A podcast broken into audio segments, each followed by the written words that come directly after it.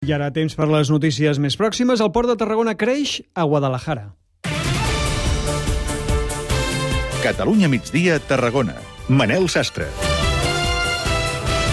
Avui han començat les obres de construcció de la nova terminal intermodal que el port està fent a Guadalajara, una infraestructura que permetrà ampliar l'àrea logística del port cap al centre de la península. Serà la terminal més gran, més competitiva i més innovadora de la península, segons ha explicat avui el port. Clara Xavarria. L'obra de la terminal Guadalajara Marcha Malo costarà 15 milions d'euros, tindrà 150.000 metres quadrats i es faran dues fases. Primer es faran les instal·lacions ferroviàries i posteriorment es treballarà en altres infraestructures perquè es puguin fer càrregues i descàrregues de contenidors des dels trens als camions i fer créixer el moviment de mercaderies del port, segons explica el seu president, Josep Maria Cruzet. Representa un crecimiento de los tráficos para el puerto de Tarragona. Tenemos dos tráficos muy uh, estructurales en el puerto de Tarragona, los graneles líquidos y los graneles sólidos, pero uh, en este momento estamos uh, dedicados a crecer el tráfico en carga general. La idea és que aquesta terminal intermodal canalitzi cap al centre de la península les mercaderies dins l'Estat i fora i que formi un dels principals centres de distribució de l'Estat. I de la pandèmia, avui és notícia un nou brot de Covid-19 a l'Ebre que fa disparar el risc de rebrot. En un dia s'ha passat dels 46 als 66 punts a l'Ebre, com en el primer detectat la setmana passada, també afecta aquest brot un grup d'una dotzena de joves, en aquest cas de Deltebre, i s'han suspès les activitats al municipi, al municipi durant 10 dies. Anna Ferràs. Els afectats són alumnes de l'Institut de Deltebre que el passat 15 de juny van tornar d'un viatge de final de curs a les Illes Canàries. El brot afecta 13 joves i s'ha iniciat el cribratge de 165 persones que han estat contactes estrets dels positius. L'Ajuntament ha suspès els actes del cap de setmana i els de la setmana vinent previstos per commemorar l'orgull LGTBI. Al Camp de Tarragona també pugen els positius fins als 65 casos, però el risc de rebrot segueix estable en els 82 punts. S'han notificat tres defuncions, hi ha dos pacients més ingressats als hospitals i dos menys a les UCI. I des de les 8 del matí, els treballadors del Centre d'Emergència 112 de Barcelona i de Reus fan vaga per denunciar la gestió dels serveis i les condicions laborals amb què funcionen els treballadors del servei que està gestionat per l'empresa Ferrovial.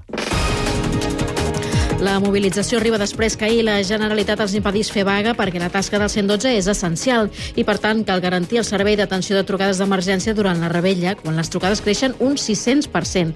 La CGT considera aquests arguments una imposició que vulnera els drets laborals dels treballadors. Aquesta tarda a Catalunya Informació parlarem amb un dels representants dels treballadors.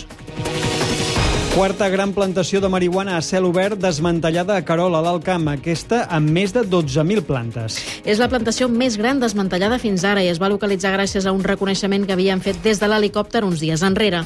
Els Mossos han detingut quatre homes que s'encarregaven de la plantació, que disposava de connexió d'aigua amb un estany pròxim. Avui és nit de rebella, nit de fogueres, de petards. A Tortosa han impulsat una recollida de firmes per reclamar que l'ús de la pirotècnia es limiti només a rebella i a la festivitat de Sant Joan i en unes hores en què no destorbi el descans.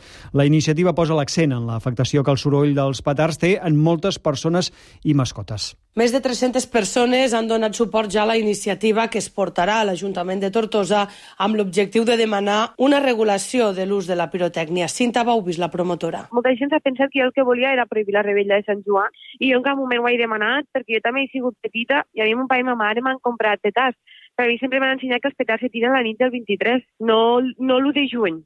Com a pedagoga recorda que moltes persones amb trastorns i sense pateixen ansietat i pànic, així com molts animals. Ja no és un, simplement un sentit de por, sinó que estem parlant de taquicàrdia, inseguretat, por, que no vulguin sortir de casa... El que es busca és la empatia, perquè no tothom ho viu de la mateixa manera. Bauvi assenyala que moltes persones s'organitzen per aïllar-se o aïllar les mascotes per a Sant Joan, però sense una regulació el patiment es pot allargar moltes setmanes. I parlant de rebella, la costa la majoria de platges estaran obertes, però això sí amb restriccions. Bé, totes menys la de Cunit, al Baix Penedès, que estarà totalment tancada, serà l'única de la demarcació. La resta s'hi podrà passar la rebella, però no s'hi podrà veure alcohol, ni fer fogueres, ni posar música amplificada. Aquesta tarda es fa la rebuda de la flama del Canigó, molts municipis, per encendre les fogueres i a Valls estan de festa.